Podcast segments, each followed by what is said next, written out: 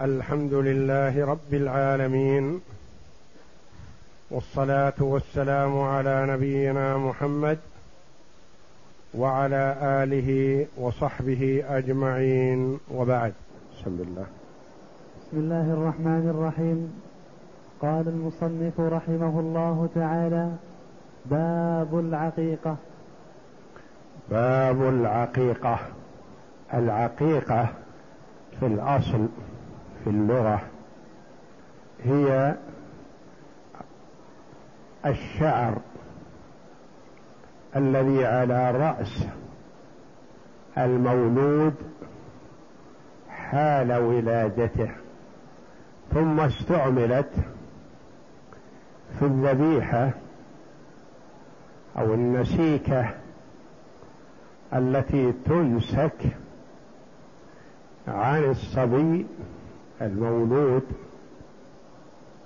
بعد ولادته لأنها تقترن بحلق شعر رأسه فسميت الذبيحة عقيقة لأنها مقترنة بحلق الشعر الذي على رأس المولود حال ولادته. وهي سنة مؤكدة وليست بواجبة ويأتي التفصيل فيها بالاستقراء. نعم. وهي الذبيحة عن المولود وهي سنة لما روى أبو سمرة أن النبي صلى الله عليه وسلم قال كل غلام رهينة بعقيق كل غلام رهينة بعقيقة تذبح عنه يوم سابعه ويسمى ويحلق رأسه. رواه أبو داود. وهي أي العقيقة في الشرع.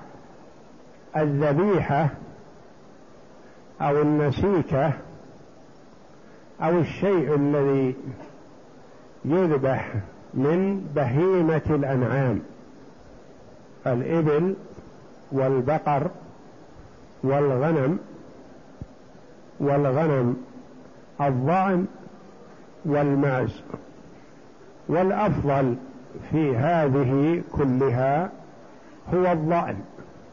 فالضأن أفضل من الإبل والبقر والمعز وهي سنة أي يثاب فاعلها ولا يعاقب تاركها. لما روى سمرة أن النبي صلى الله عليه وسلم قال كل غلام رهينة بعقيقته. يعني كأنه مرهون بالعقيقة فإذا عق عنه كأنه فك رهنه وسلم. تذبح عنه أي عن المولود. يوم سابعة هذا هو السنة. وإن ذبحت قبل السابع أو بعده فلا بأس. إلا أن الأفضل أن يتحرى اليوم السابع لولادته لهذا الحديث ولغيره ولفعل النبي صلى الله عليه وسلم. ويسمى يعني السنة أن يسمى المولود في اليوم السابع.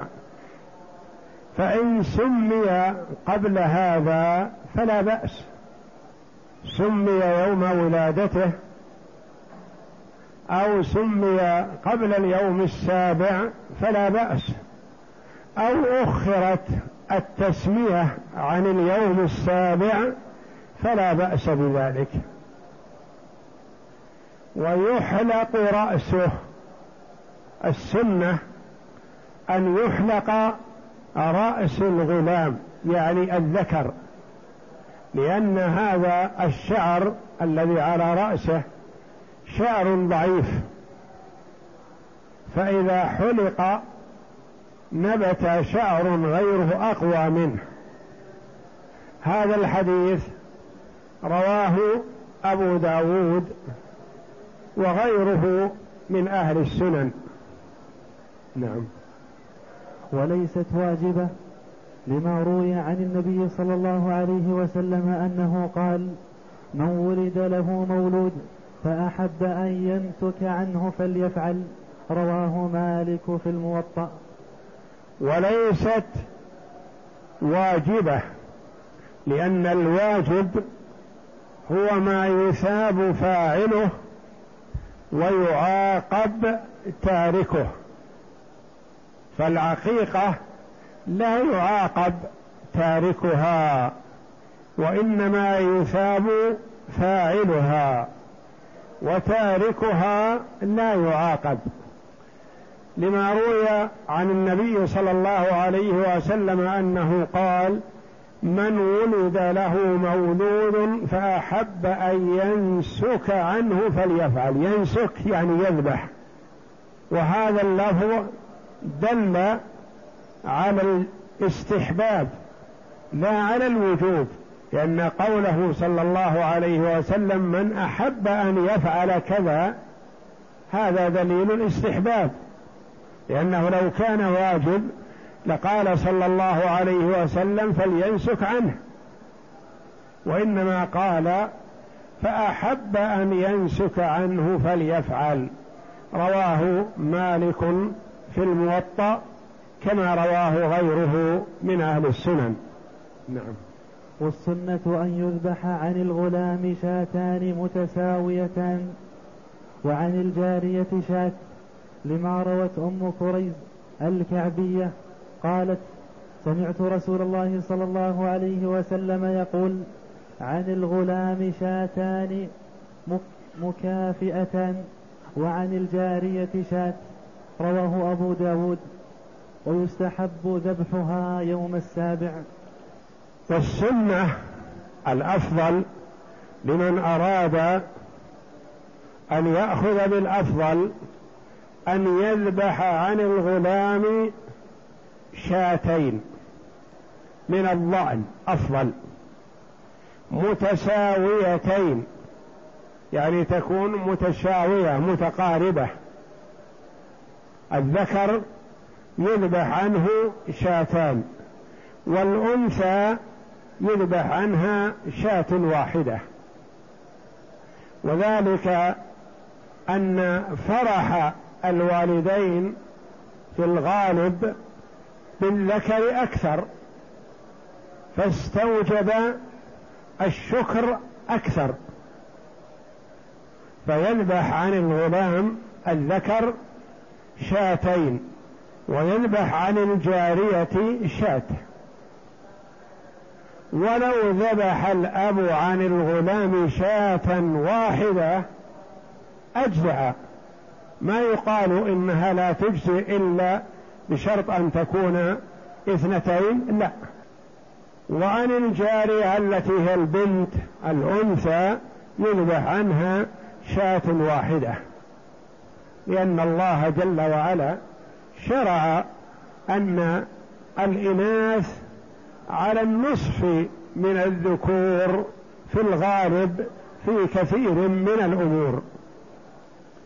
لما روت أم كرز الكعبية رضي الله عنها قالت سمعت رسول الله صلى الله عليه وسلم يقول عن الغلام شاتان مكافئتان يعني متناسبتان. وعن الجارية الأنثى شات. رواه أبو داود ويستحب ذبحها في اليوم السابع يعني يوم سابع الولادة. ويجزئ فيها من بهيمة الأنعام ما يجزئ في الأضحية ويمنع فيها من العيب ما يمنع فيها. ويجزئ فيها من بهيمة الأنعام أولا العقيقة من بهيمة الأنعام. لا تكون من الطير ولا من الظبا ولا من غيرها وإنما هي من بهيمة الأنعام. وبهيمة الأنعام هي الإبل والبقر والغنم. ولا يصح فيها الاشتراك بخلاف الأضحية والهدي فيشترك السبعة في البدنة والبقرة أما العقيقة فتكون عن شخص واحد. ذبح شاة من الضأن أو المعز أو ذبح بقرة أو ذبح بدنة بعير عن شخص واحد. والأفضل كما تقدم من الضأن أفضل من الإبل والبقر ومن المعز. ما يجزئ في الأضحية يعني لو ضحى بشاتين لو لو عق بشاتين مثلا من الضأن فيشترط أن يكون لكل واحدة منهما ستة أشهر فأكثر. وإذا كانتا من المعز فيشترط أن يكون لكل واحدة منهما سنة فأكثر. وإذا كانت من البقر فيشترط لها أن تكون أن يكون مضى عليها سنتان. وإذا كانت من الإبل فيشترط أن يكون مضى عليها خمس سنين. فلو عق عن والده عن ولده ببكرة أو ابن لبون أو نحوه دون خمس سنوات ما أجزأت.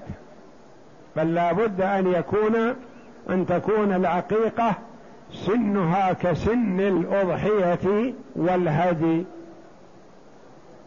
ويمنع فيها من العيب ما يمنع فيها.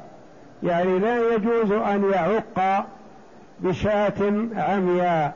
ولا عورا ولا عرجا ولا مريضة ولا هزيلة ولا ذات عيب ويكره بما فيها عيب غير هذه مما ينقص ثمنها.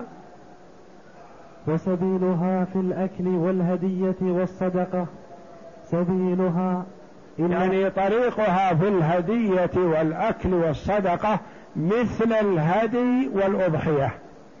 فالأفضل أن يأكل ثلثا وأن يتصدق بثلث وأن يهدي ثلثا وإن جمع لها الأهل والأقارب وبعض الفقراء وأكلوا منها في بيته فلا بأس.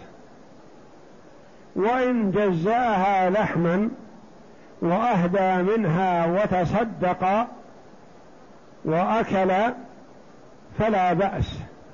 يجوز هذا وهذا. فإن أكلها كلها ولم يتصدق منها بشيء وجب عليه أن يخرج شيئا من اللحم صدقة ولو من غيرها أو قدمها لأهله وليس فيهم فقير. فيلزم حينئذ أن يشتري لحما يتصدق به عن حق الفقير فيها الذي أكله. وإن قدمها للفقراء كلها فحسن لأن هذا من باب الإيثار كما تقدم في الهدي أنه إذا قدم الهدي كله للفقراء فحسن. وإن أكل منه وتصدق وأهدى فلا بأس ما لم يكن الهدي. واجب عن ترك واجب أو فعل محظور. فلا يأكل منه. وسبيلها في الأكل والهدية والصدقة سبيلها. إلا أنه يستحب تفصيلها أعضاء ولا يكسر لها عظم لأنها أول ذبيحة ذبحت عن المولود فاستحب ألا تكسر عظامها تفاؤلا بسلامة أعضائه. قالت عائشة السنة شاتان مكافئتان عن الغلام وعن الجارية شاة تطبخ جدولا ولا يكسر ولا يكسر عظمها ويأكل ويطعم ويتصدق وذلك يوم السابع. إلا أنه يستحب تفصيلها أعضاء الهدي والأضحية ينظر حسب الحاجة. إذا كان المحتاج إليها فقراء كثير فتجزأ. وتكسر اليد بين الاثنين والثلاثة وكذا تكسر الرجل بين الاثنين والثلاثة وهكذا الهدي والأضحية. وأما العقيقة فالأفضل أن تنزع جدولا يعني تقطع تقطيع ولا يكسر عظم. يعني مع مفاصلها بحيث تستعمل فيها السكين دون القدوم. لا يكسر فيها شيء تفاؤلا بسلامة المولود. هذا روي عن عائشة رضي الله عنها.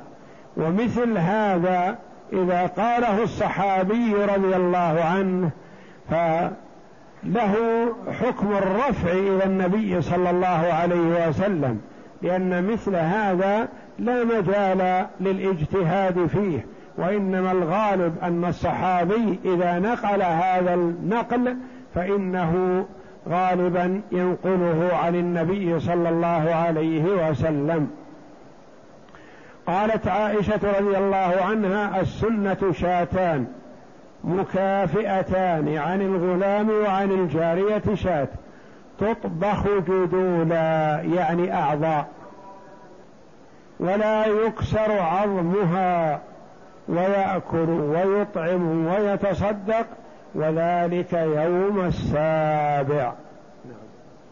فإن ذبحها قبل السابع جاز لأنه فعلها بعد سببها فجاز كتقديم الكفارة قبل الحنث فإن ذبحها قبل السابع ذبحها في اليوم الثاني من الولادة أو اليوم الأول أو الثالث أو الخامس جاز ولا بأس. لأن سببها وجد بخلاف ما لو ذبحها قبل ولادة المولود فلا تجزي. وذبحها بعد وجود السبب وقبل اليوم السابع كالكفارة قبل الحنث. إنسان حلف يمين. مثلا ألا يدخل دار زيد. فرأى من المصلحة أن يدخل دار زيد.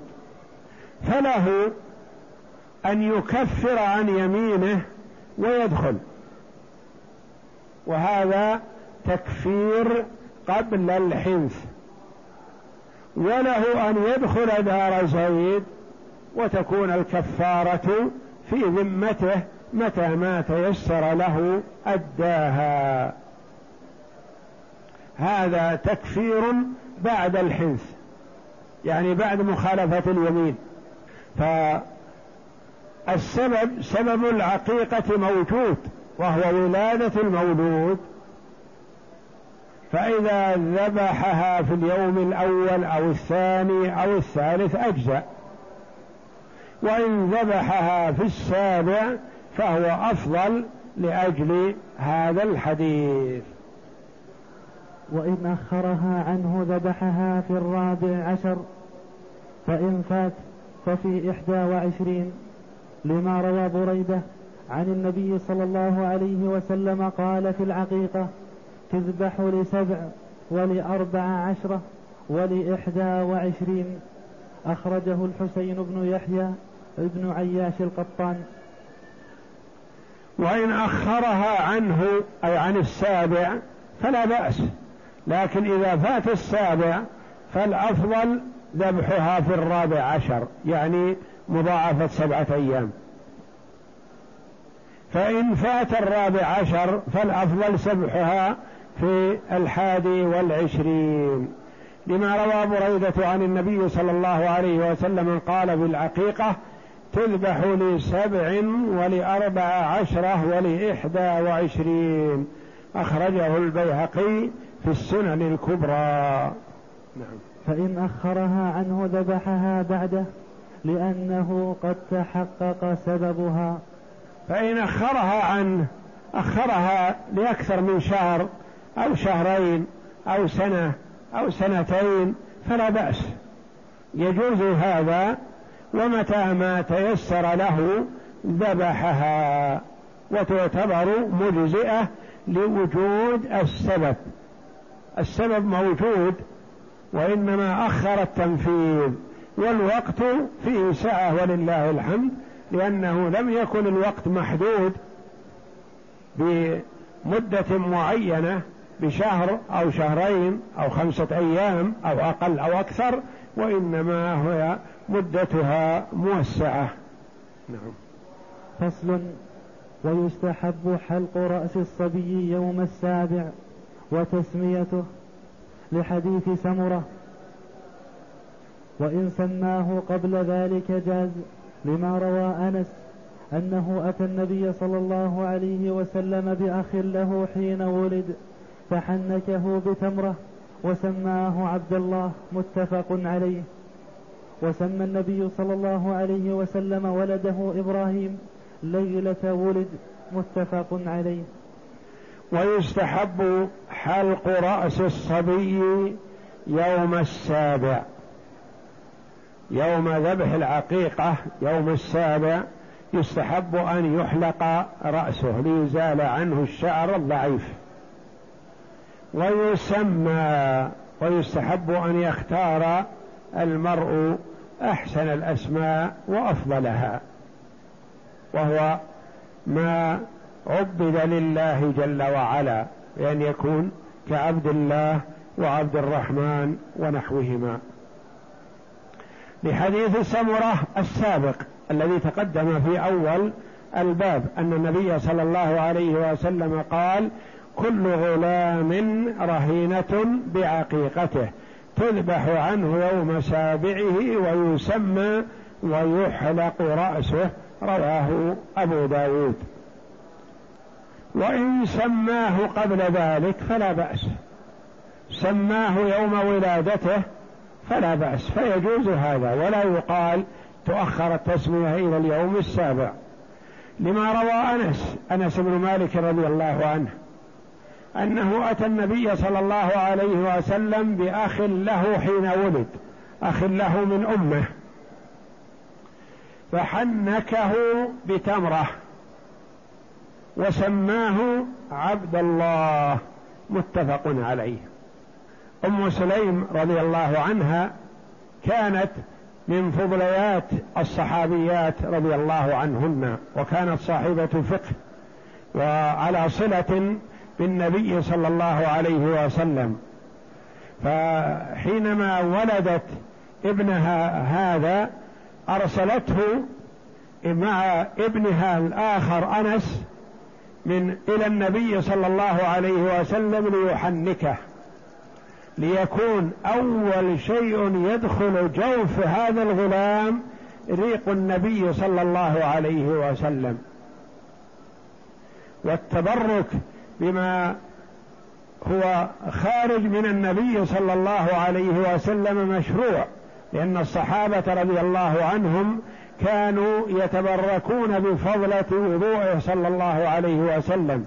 وما ينزل منه من تفال أو مخاط أو غيره مما هو طاهر. كانوا يتبركون بذلك رضي الله عنهم. فأرسلت أم سليم ابنها هذا إلى النبي صلى الله عليه وسلم ليتولى تحليكه وهذا من تواضعه صلى الله عليه وسلم وحسن معاملته ومعاشرته للامه عليه الصلاة والسلام. أول ولادته أرسلته مع ابنها. إلى النبي صلى الله عليه وسلم. فأخذه صلى الله عليه وسلم وسأل أنس قال هل أرسلت معك شيء؟ قال نعم. تمر فأخذ النبي صلى الله عليه وسلم التمر ومضغه ثم بزقه في في الغلام. فأخذ الغلام يتلمذ بالتمر والحلو. فضحك النبي صلى الله عليه وسلم وقال انظروا إلى حب الأنصار للتمر لأن الأنصار أهل المدينة والمدينة ذات نخل وتمر فنشأوا على التمر يحبونه حتى المولود أول ولادته لاحظ عليه النبي صلى الله عليه وسلم تلمضه بالتمر. وسماه صلى الله عليه وسلم عبد الله. فهذا الحديث دليل على جواز تسمية الغلام قبل اليوم السابع وأن الحديث المتقدم في التسمية في اليوم السابع للاستحباب لا للوجوب في هذا بدليل أن النبي صلى الله عليه وسلم سمى هذا عبد الله ابن أبي طلحة سماه يوم ولادته. وهذه الأم أم سليم رضي الله عنها هي التي حينما مات ابنها الصغير الذي قبل هذا تهيأت لزوجها وغطت الغلام وتهيأت لزوجها وقدمت له عشاءه فلما تعشى وأصاب منها قالت له لو أن قوما أعاروا قوما عارية ثم استردوها هل لمن كان عندهم العارية أن يغضبوا أو يتأثروا من هذا؟ قال لا ما دامت لهم وطلبوها. قالت قم وار الصبي. فتأثر رضي الله عنه وعاتبها لما أخفيت عني الأمر حتى حصل كذا وكذا. وهي مجتهدة رضي الله عنها وأخبرت النبي صلى الله عليه وسلم أو أخبره أبو طلحة رضي الله عنه فقال بارك الله لكما في ليلتكما. فكان نتيجة البركة هذا المولود الذي ولد وحنكه النبي صلى الله عليه وسلم ببركة دعاء النبي صلى الله عليه وسلم. فنشأ هذا الرجل رجلا صالحا. والنبي صلى الله عليه وسلم لما ولد له إبراهيم من أمته ماريا القبطية سماه صلى الله عليه وسلم على أبيه إبراهيم يوم ولادته. أخبر صلى الله عليه وسلم بأنه ولد له غلام وسماه على أبيه إبراهيم. عليهما الصلاة والسلام. ويستحب تحسين اسمه لما روي عن النبي صلى الله عليه وسلم أنه قال إنكم تدعون يوم القيامة بأسمائكم فأحسنوا أسماءكم. رواه أبو داود. فقال النبي صلى الله عليه وسلم أحب الأسماء إلى الله عبد الله وعبد الرحمن. حديث صحيح رواه مسلم. ويستحب تحسين اسمه من حق الولد على والده أن يحسن اسمه لأنه لا يحتاج إن يدفع مالا للاسم الحسن وإنما يختار والأمر فيه سعه ولله الحمد فيتخير الاسم الحسن. بقوله صلى الله عليه وسلم إنكم تدعون يوم القيامة بأسمائكم. فاذا نودي المرء باسم حسن يسر بخلاف ما إذا نودي باسم سيء فإنه يسوءه. فأحسنوا أسماءكم رواه أبو داود.